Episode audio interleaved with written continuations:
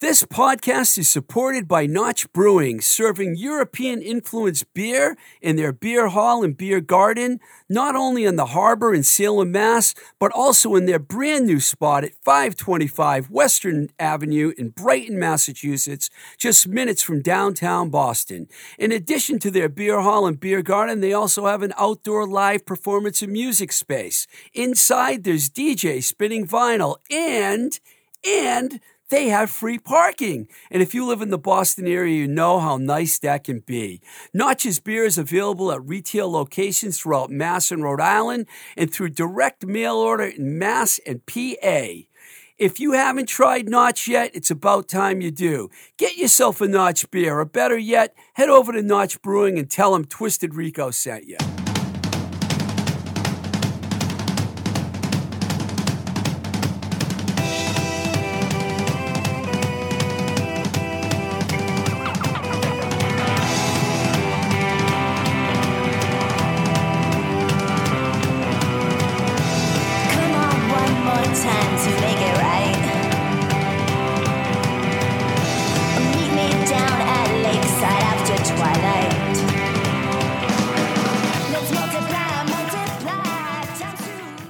Welcome to Blowing Smoke with Twisted Rico. I'm your host, Steve Ricardo. Very excited to be playing you an interview today with Steve Martin, who runs the New York City based public relations company Nasty Little Man. That's right, we're going to have the Nasty Little Man on the show himself today. He started this company back in 1992 when some of his initial clients were Helmet, Ween, Smashing Pumpkins, and Jawbox. In fact, the list of artists he has worked for is truly mind blowing. From the Beastie Boys to a current roster which includes the Foo Fighters, Metallica, Arcade Fire, LCD Soundsystem, and are you ready for this? Paul McCartney. It's really funny because in the interview he keeps referring to Paul McCartney as Paul. I really love that. I've known Steve for a while. He played in the Straw Dogs way back in the late 80s, who had just changed their name from the FUs, and then later went on to join Agnostic Front, who he recorded an album with, uh, before turning to a writing career in which he wrote for a bunch of pop publications. In fact, in the interview, we talk about the Long Island Ear. When I was at Giant Records, he was writing for the Long Island Ear, and he literally reviewed like all of the records I would put out. He was like my favorite writer at the time, and I tell him that during the interview. Uh, before then, I want to mention a couple other things here. Uh, a couple weeks ago, when we had Lev and Joe Wisner on the show, and we were talking about new music, Ellie mentioned Sharon Van Etten. I guess you could say I wasn't sure why I hadn't spent much time listening to her music. Well, I decided to journey down that path last week, and that's how I discovered a fabulous duet between Sharon Van Etten and Angel Olsen. The song is called Like I Used to, and I got to tell you, I think it's one of the best tracks to come out all year. I had been intrigued with Angel Olsen for a while, and it seemed like it was only a matter of time before she broke through, at least in my mind. She's like five albums deep right now since her debut in 2012 of an album called Halfway Home and she's living down in Asheville, North Carolina. She's from St. Louis originally, and she ended up down in that town, which is hardly sleepy. In fact, she refers to the town as the Berkeley of the South. She had a track back then when she first started called Shut Up and Kiss Me. Fantastic song from the album My Woman, which is on the Jagjaguwar label. And ever since then, she's been like making really good music. More recently, she put out a covers EP, if you can believe that. There's some really interesting songs on it. Laura Branigan's Gloria. I never really liked the song, but I kind of like the way Angel does it. And also Safety Dance by Men at Work. I'm sure you remember that one. Maybe you don't. Anyways, I found myself getting lost in Angel Olsen's body of work, which goes from alt country to indie pop. And for that alone, Angel Olsen is this week's musical trend. At least in our opinion, she is. Okay, before we play the interview we did with the nasty little man, Steve Martin himself, Here is a really cool track that I just discovered. It's on Rumbar Records compilation XOXOXO, Volume 1. This one is called The Reckoning is Here by Lonely Lisa and the Lost Cowboys.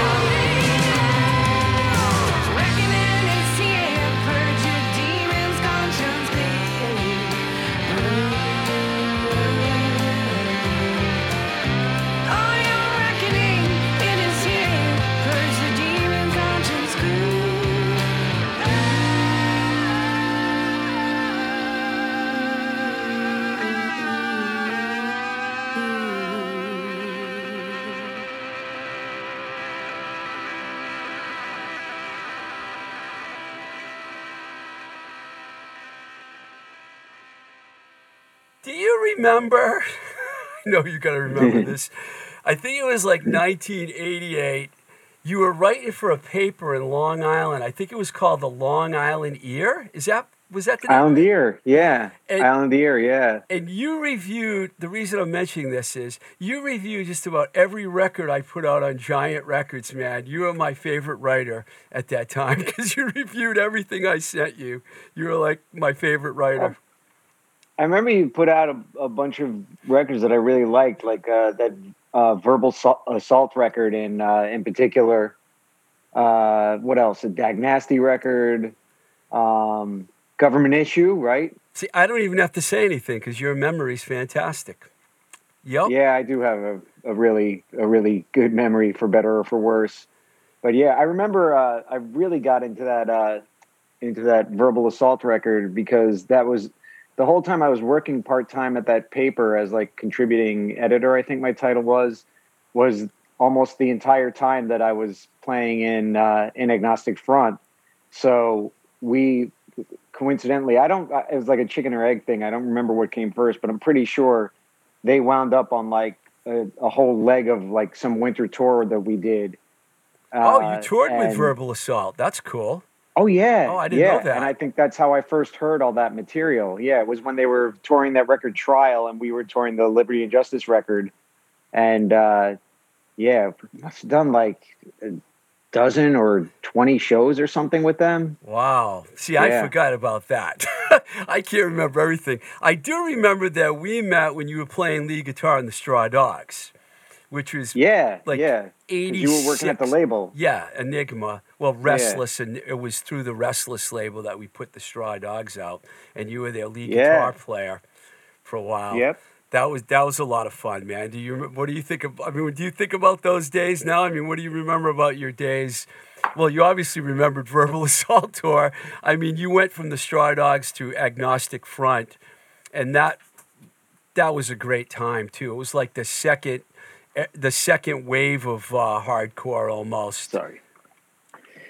Yeah, it was the second. Like the first wave was kind of like the like 81 to I would say like maybe 84. Like by the mid 80s it was definitely like getting into like a lot of the metal crossover and you know further into the 80s you had the bands that were like kind of proto emo like I always said like you had like a bunch of like bands that used to be like like straight edge kids who were like all of a sudden trying to make like the Joshua Tree or something.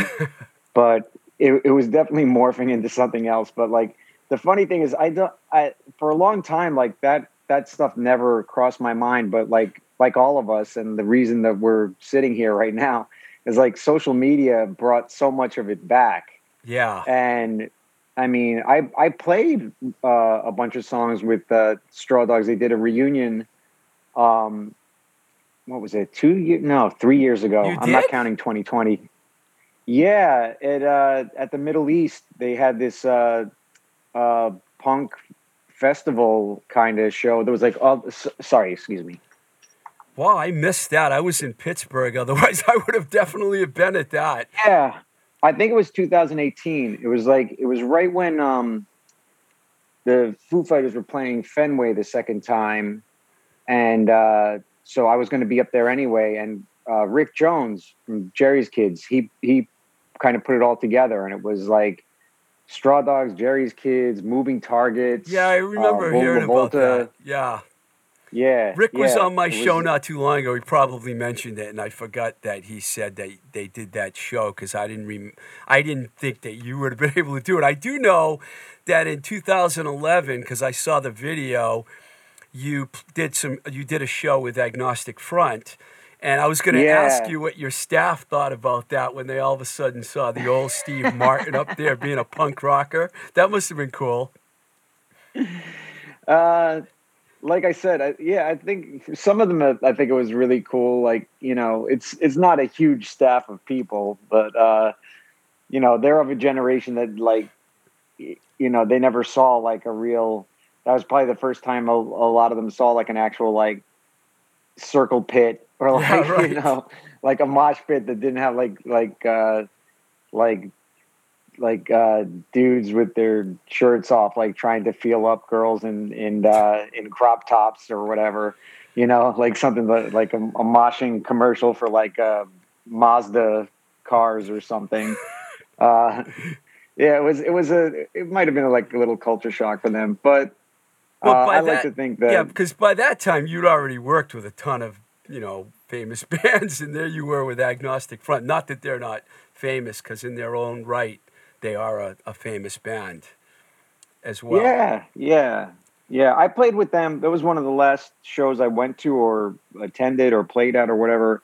I I played a, a little, a, a few minutes with them at uh, this Thrasher Vans Deathmatch Festival that was out at like the Knockdown Center in Queens, which is this huge cavernous hall. They had like a half pipe set up in the middle of it, and it was uh, the two headliners was Agnostic Front and Obituary, so it was like a huge show, but it was fun. Like you know, like I said, well, like I was going to say, um, it's something like those times like are and those people are just stuff that like you you lose touch with with with things and people as as uh as time and adult responsibilities and work and eh, all this other you know current day concerns kind of take over. But you know thanks to social media it's like eh, all like first of all they've got people like posting memories like here's a picture of us on tour in 1987 you know and uh but some of the people it's just like a lot of them actually many of them is just like riding a bike. You just pick right back up where you left off. Like we're having this conversation right now as if we're like picking up from like 1989 or whatever. Yeah. uh, you know, like uh, Rick Jones and I got back in touch, and the FU's guys and I got back in touch, and you know, it it was just like random kind of like, oh, I saw you on Facebook or Instagram, or saw your email on your company's website, and was wondering if you were coming into town when McCartney is playing or whatever, and it, we just you know meet up and just pick up where right where we left off. Wow, there's so many things, Steve, that I want to talk to you about because we haven't really talked. We had an email exchange in 2008. The only reason I know that is because I saw it in Messenger and I'm like, it's been that long? Because we used to talk to each other a lot way back before you started uh, Nasty Little Man, which you started in 1992. How did that all get started and happen for you? Because I know you were a writer and you wrote for a lot of people. When did you make the move where you said, I'm going to go on the other side now and I'm going to like help the bands and stuff and be their publicist? Yeah, it was. It's funny because I never, you know, I don't think.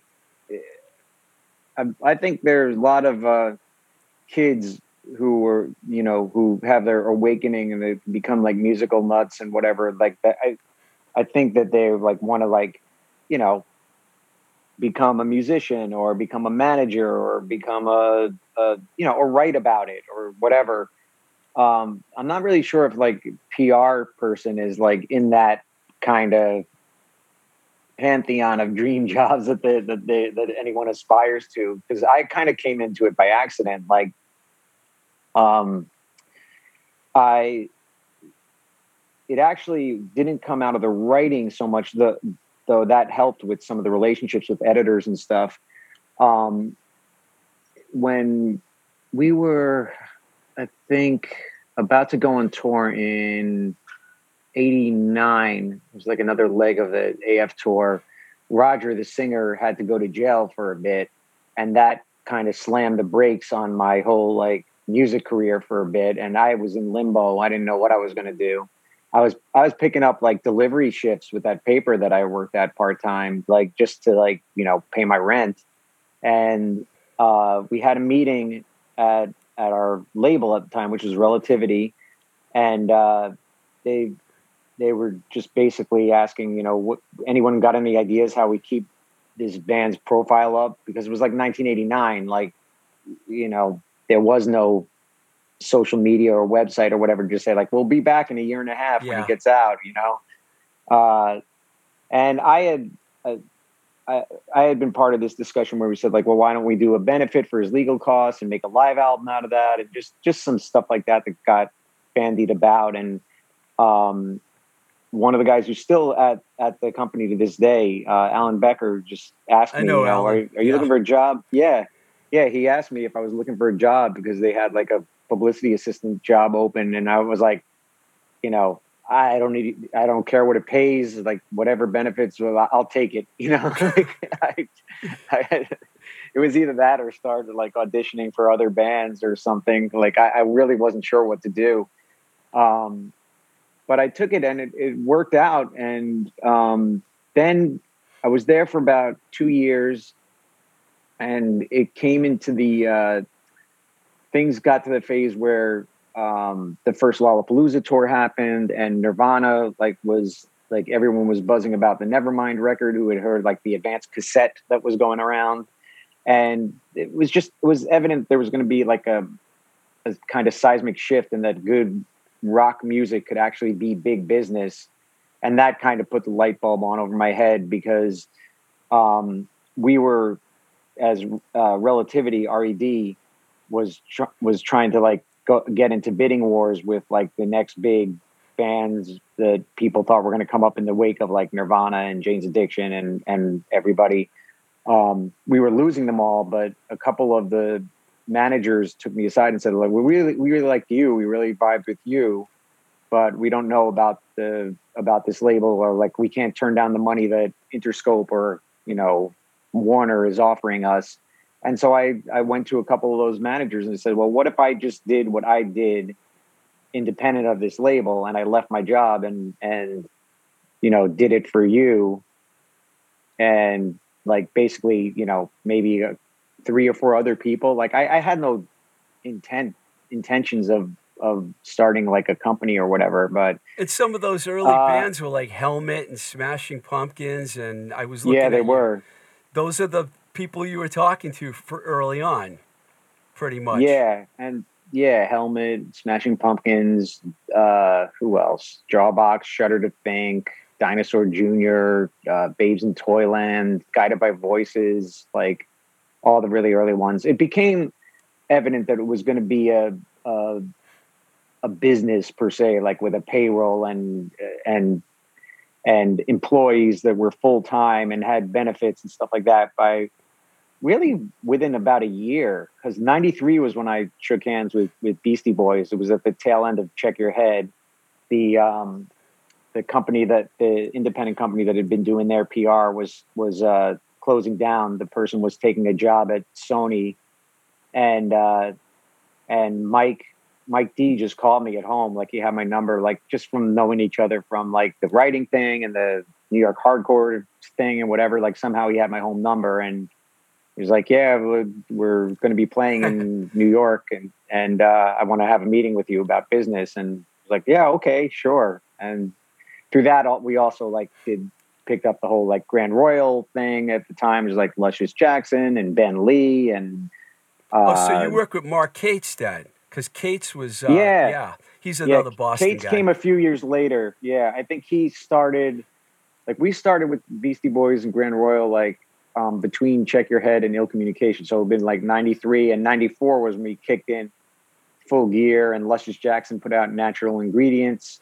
I always and, loved uh, that band. I wish they would have been able to go further. Luscious Jackson. I thought they were cool, really cool band. Yeah, it was really fun when they did that Magic Hour record. God, that's like almost God be like going on 10 years ago now, but it still seems so recent. Like it was like 2013, 2014, they did their reunion shows and made a new record that was really good.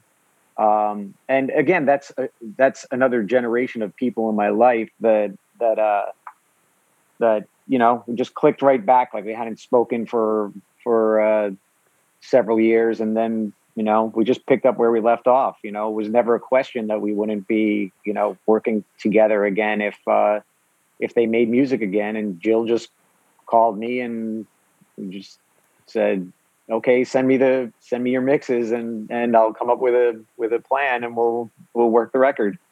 It's you know I totally can understand for people out there that because I you know I worked for so many labels and I never was technically a publicist, but I know everything about except when I had my own label Giant because I didn't have anyone else to help me, so I was ev- the everything. But I, I understand the whole process. You mentioned the Beastie Boys because I had saw an interview that you did and you called it a watershed moment for your company, which I thought was a great way to put it. And that's pretty much the band Wow. that took you to the Make next me sound really smart. I didn't Yeah, know that I that I put it that well. That's exactly what you said, a watershed moment. So that kind of kicked off a lot of things. And obviously, a lot has happened in the last 30 years.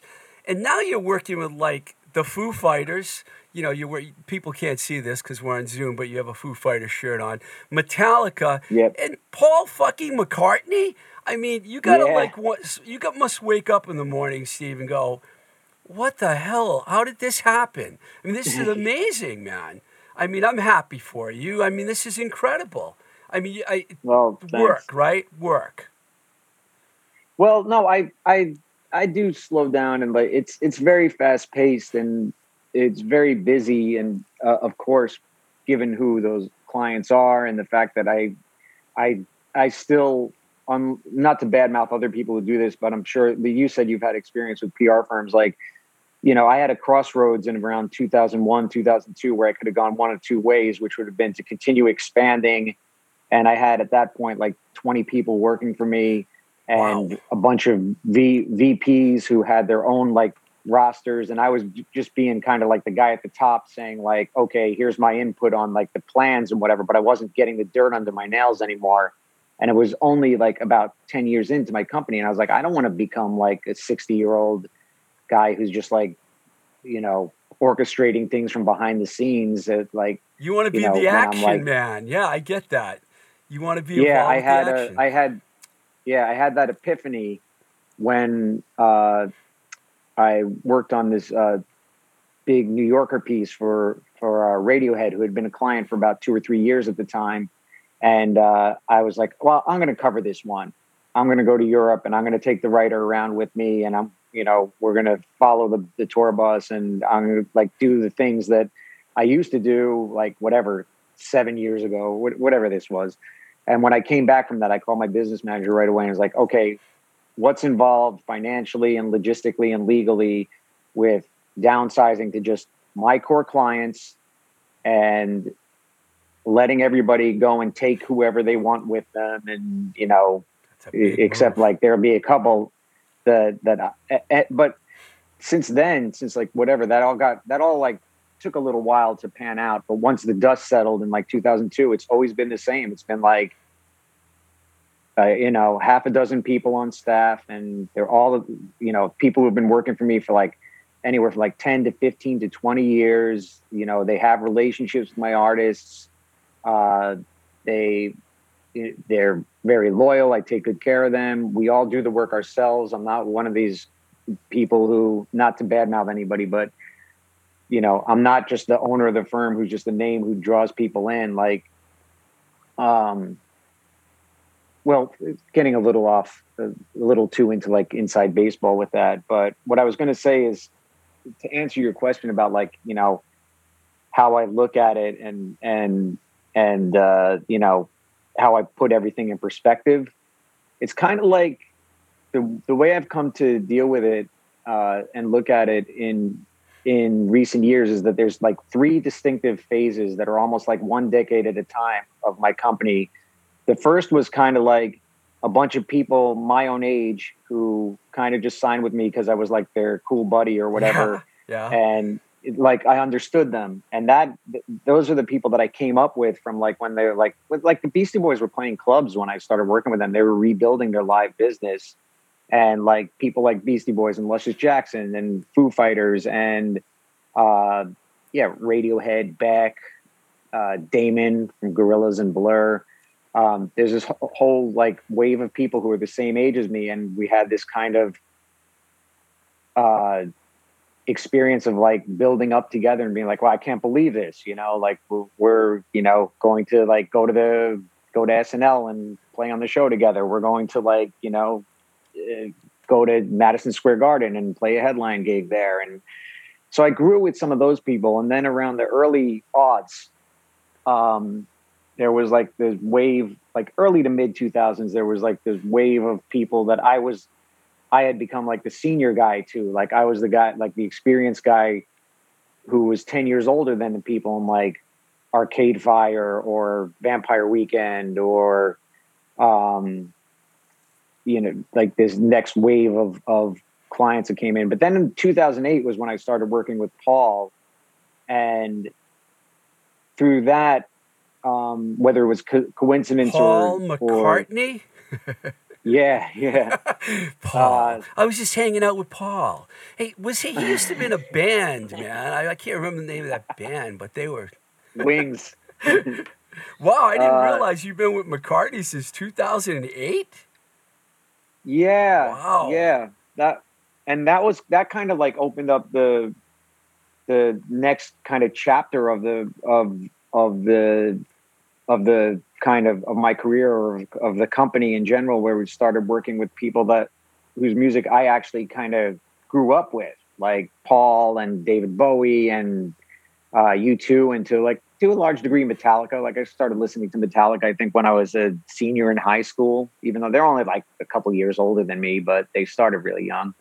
Um, Iggy Pop, uh, yeah. So there is a, those three stages, like people my age, people that were like, you know, my youthful kind of next wave of people that I conferred the benefit of my, you know, knowledge and experience to, to people that like I became like the kind of like cool young guy who was like, you know, a generation or so like, you know, it, it's it's a weird thing when you're old enough, you're you're the age that you could be somebody's son and uh and giving them career advice. It's it's kind you, of an you've odd got thing. you, you've seen a lot of changes because you know you were around the label scene when like I started working for labels in like '84, and you know by '99 they started disappearing, and then by 2010. Yeah. I don't, I don't know who was left. So you had to probably change the whole way that you dealt with artists because you weren't going through through the publicity departments anymore at labels that didn't even really Yeah. have departments, right? So you're dealing directly more with artists around that point in the third wave yeah, in in or the managers. in the yeah managers artists but like you know i would say that pretty much all of those guys when we're talking about the mccartneys and bowies and metallicas and uh, you know they all interviewed me themselves they you know the manager may have set it up but like i went to the job interview and sat down and you know You passed the audition. yeah, pretty much. It was like a it- yeah, it was like a job interview, but like you know, a really cool one with a with somebody who like I already had like a huge emotional investment with because of the the effect their music had had on my life. But you know, no, nonetheless, it is essentially an interview. You know, even if it's not kind of like, well, you know, I'm looking at your resume here or whatever. It's still kind of like, well, you know, what did you do for this artist, or was this, you know, was this cover story you're doing? Was this TV appearance you're doing? Like, how did you come up with that idea? Like stuff like that. Um, but yeah, I, I guess it was around the same time that yeah, it was exactly the same time around that I downsized when I was telling that story about like the Radiohead New Yorker trip in 2001. I think that was where I kind of had a, a fortunate kind of um, epiphany that that uh, it wasn't going to be as easy as it had been when like people were buying sixteen dollar plastic Yeah. discs in in bulk for much longer because I saw the thing drying up where where like there was people like I had like four four or five people who worked for me who, just had the ability and the connections to like call up like anyone at RCA or Virgin Records or whatever and be like, "Oh, what do you got for me that that I can, you know, get like a 60 grand retainer on for, you know, to make some commission and like, you know, hook me up with a new artist and and make a budget for it." And like, you know, people were throwing money around a lot more like that. And I just saw like the the the end of the road for that was was coming up fast. And so I kind of went around hat in hand to all of my clients, just saying, if you pay me directly and I just report directly to you, I had this plan to have like fewer clients and just a smaller staff, smaller overhead, more attention to focus, to, yeah. to everyone. Yeah, my personal attention to everybody.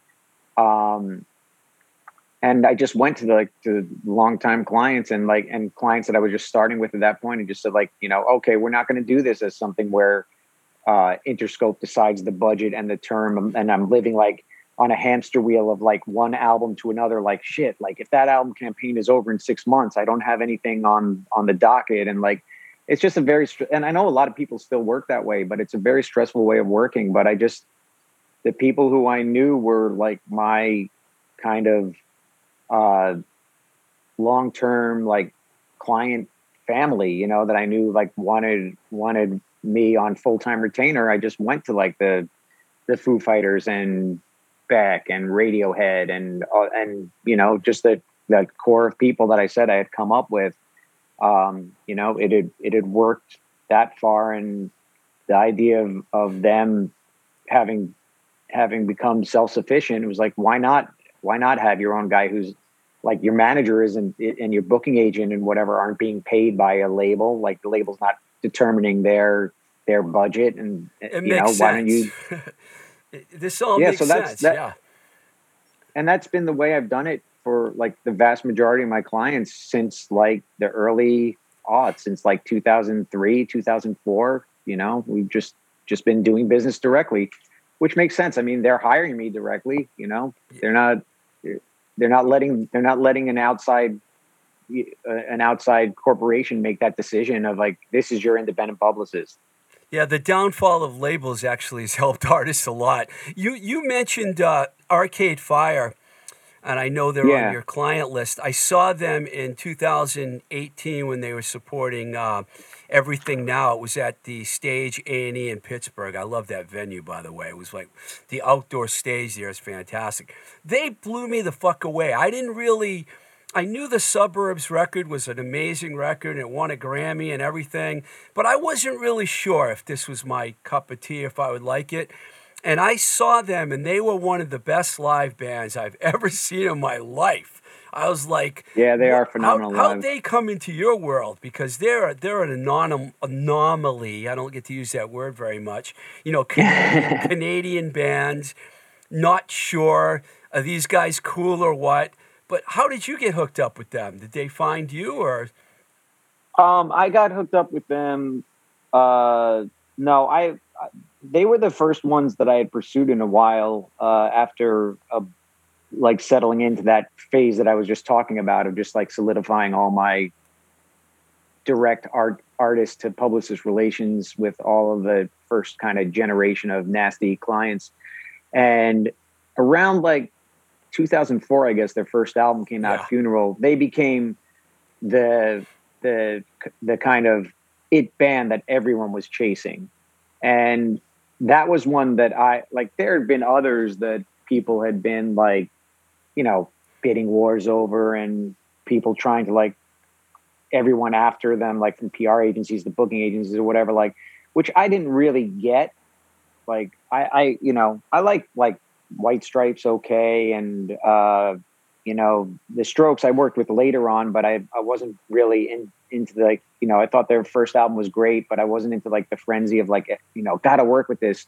But i saw arcade fire open for a band we were working with at the time called the wrens Oh yeah, at uh yeah. at the knitting factory uh and that was probably like 2003 2004 and that was one of those moments where i was like yeah i got to get in on this like you know and i just started pursuing them and then they signed with uh a manager who i hadn't had a hadn't had any business dealings with but had known uh fairly well for for a long time a guy named scott rodger who uh at the time he, he had managed Bjork and Arcade Fire and I don't think much much else. But I just called Scott and I said, "Oh, I heard you you're managing them now. Can you get can you set up a meeting?" And uh, and we did, and I you know I interviewed with them the same as several other people did, um, and yeah, around the end of 2000, 2006, um, I got the call that I was hired. You've been with them for that long? Yeah. Yeah, I feel like Yeah. a real dope. 15 years. I feel kind of a dumb, like a dummy, because I told you I finally got it in 2018. But that's just the live aspect of it, you know, because I'd never seen them live. I like I said, Suburbs was a fantastic album. The early stuff I liked, but live they just absolutely floored me, man. I mean, they put Yeah. on a show. they had a thing going on live. I remember from day one when I saw them play in clubs that was, it's that kind of like, like emotional and, uh, uh, it's hard to put into words, but it's that kind of quality, like They're like a family, that- you know. It's like a family when you watch them. You feel like you're watching a family up there, you know. there is kind of that that kind of element to it but i was thinking more like the way it the the frequency that it hit me on was kind of like seeing the clash when i was a kid or seeing you 2 when they were playing clubs. Like there was there was like a, a an emotional like urgency to it, and you know I hadn't, I like I said like there was other kind of up and coming like hit bands like that that were like destined for like big things at the time that I liked okay like like the Strokes and White Stripes and whatever but I I didn't I didn't connect with them the same way I did with with Arcade Fire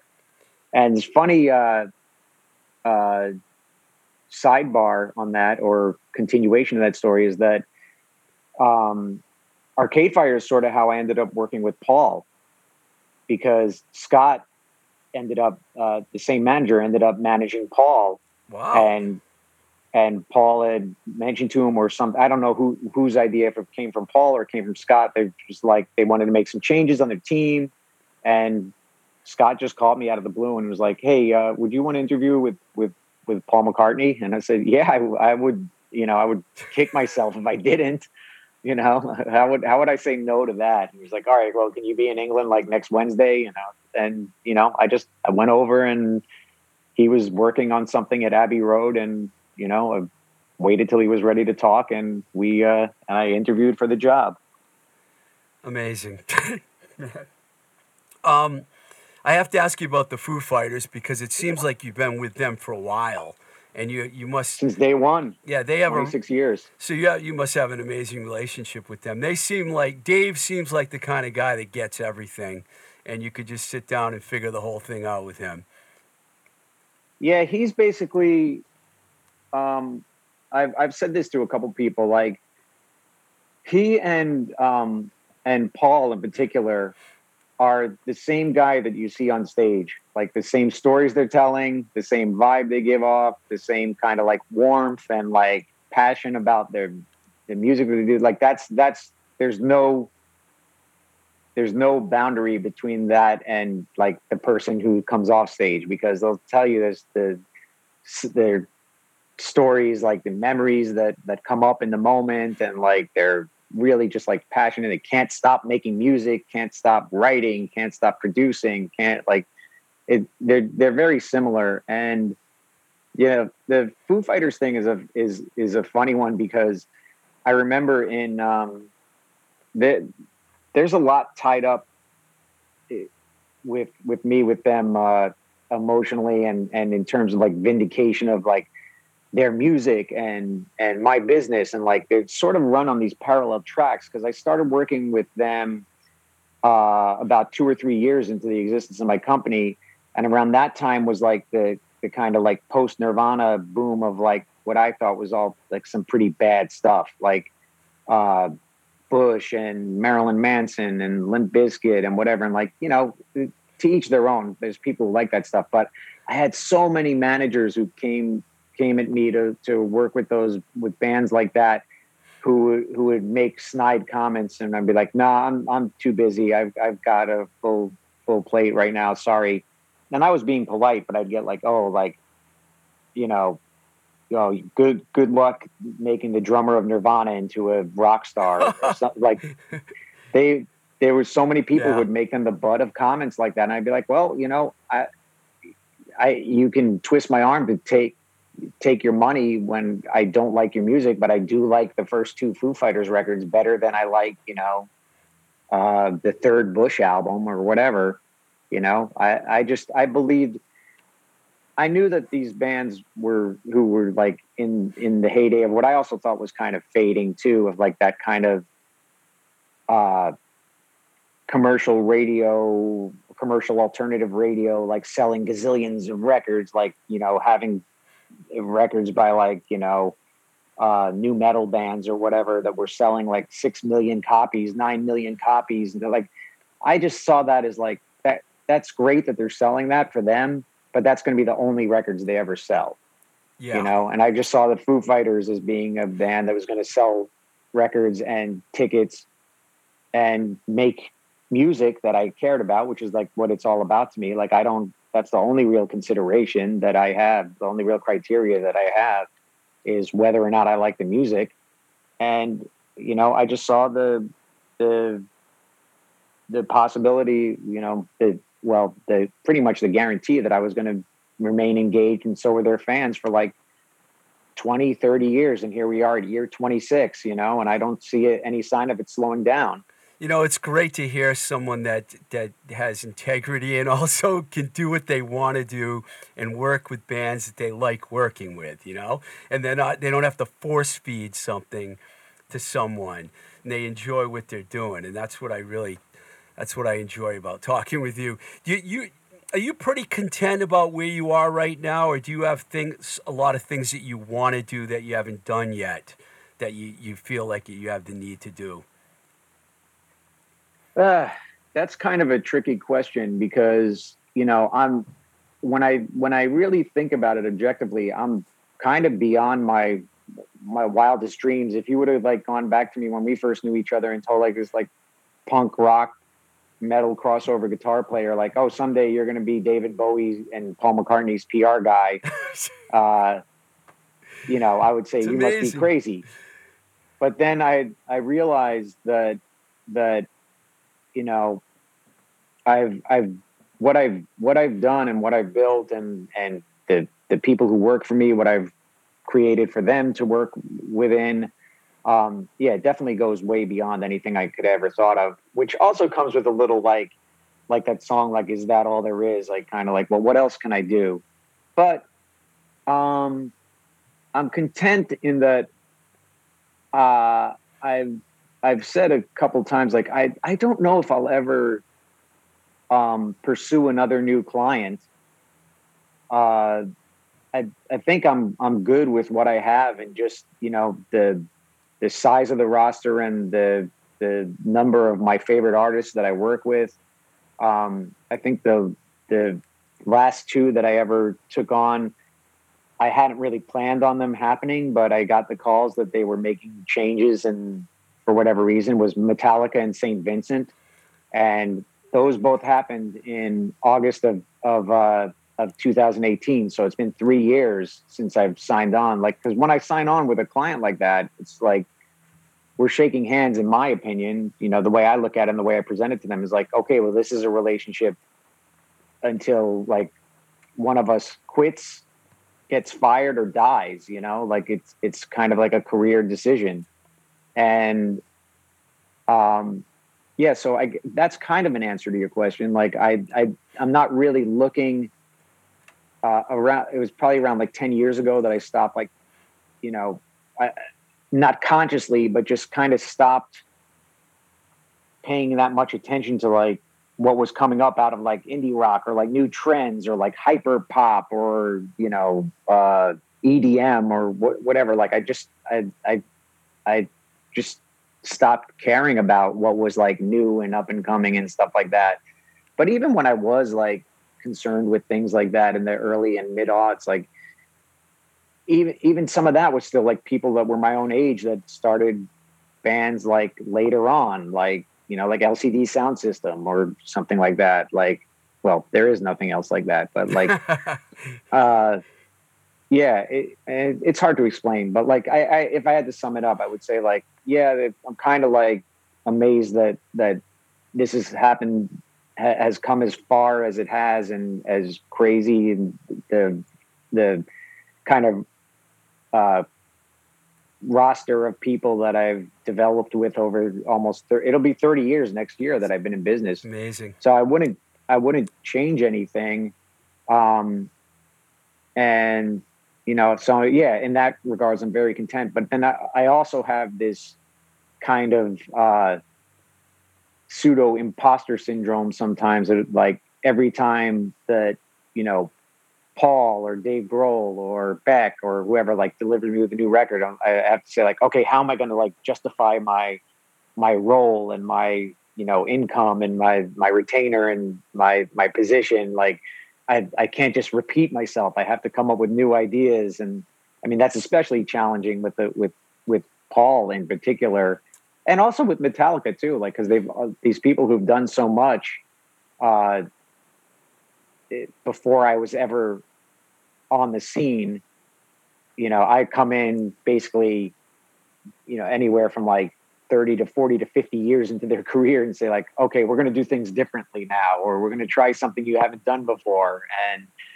you know knock on wood, so far it, it, it it's been the right things for the most part. You know, I can't really think of any glaring mistakes that I that I made that I thought that have, you know, uh, oh man, this is it. I'm going to get fired over this one.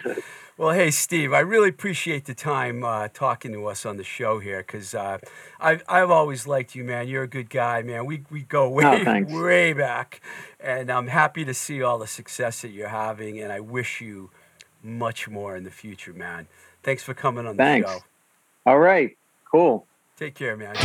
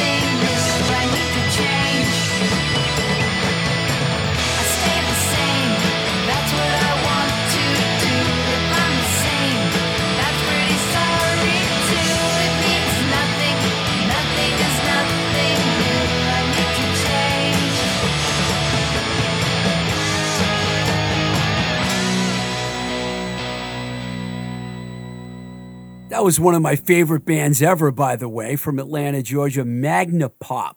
Need to Change from the 2019 album The Circle is Round. We had Ruthie Morris on the show a little while back. You know, in fact, if you want to go back, if you just discovered this podcast and you want to go back and listen to some older shows, you could do that. They're all out there. They're on Apple, Spotify, Anchor. Wherever you listen to this podcast, you can find the old shows, and I highly encourage it. It was so awesome having Steve Martin on the show. I don't even know what to say. I'll be honest with you, I was a little nervous talking to him. I mean, the guy represents Paul McCartney and the Foo Fighters and Metallica and Arcade Fire. I did feel like a kind of a dope when I said, well, the first time I saw Arcade Fire was in 2018. when they've been around since 2002. But okay, I was a little late to that party. I'm sorry, but at least I showed up. Okay.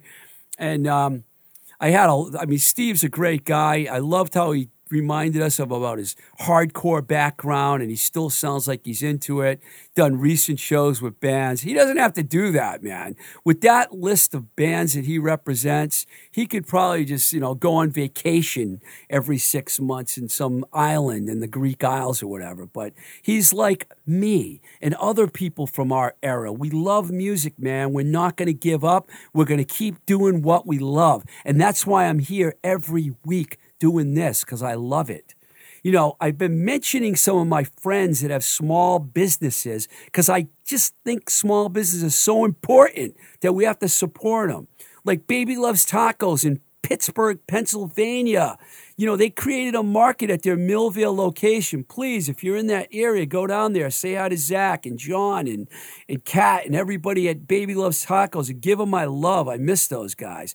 You know, check out their Instagram page at Baby Loves Tacos, and you know you can see everything that they're up to because they're up to a lot. Also, I was on the phone today with Dave from JLS Design in Leicester, Mass, where they do custom screen printing embroidery. They're making blowing smoke with Twisted Rico hats for me.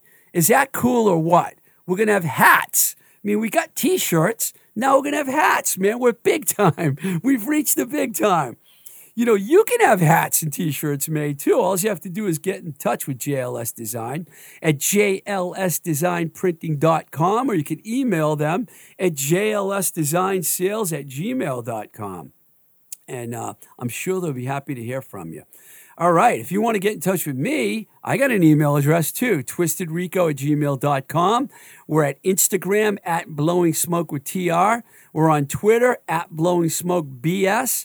You know, we're also on Facebook, YouTube. You know, I think there might be a Tumblr page. I don't think so, but I just felt like saying that. All right. I've been babbling here, uh, on and on and on. Um, you know, one thing that's really important to me is sounding good every week when we do this. I put a lot of energy and time into making sure I have the best engineers around, and that's what we have Mike Nash here at Voice Motel in Somerville. If you want to have your own podcast, it's not that hard. Get in touch with Mike. He's got an Instagram page at Voice Motel. He can hook you up just like me. Makes me sound good every week. Even when I sound like crap half the time, I sound good. Thanks to Mike. All right. Also, we're doing another podcast with Mike called Seems to Me with Sibylline Siriano. We're going to be back at it this week, so stay tuned for that. Until then, till the next time we say goodbye, this is Blowing Smoke with Twisted Rico. I'm your host, Steve Ricardo. Keep the rock and roll alive.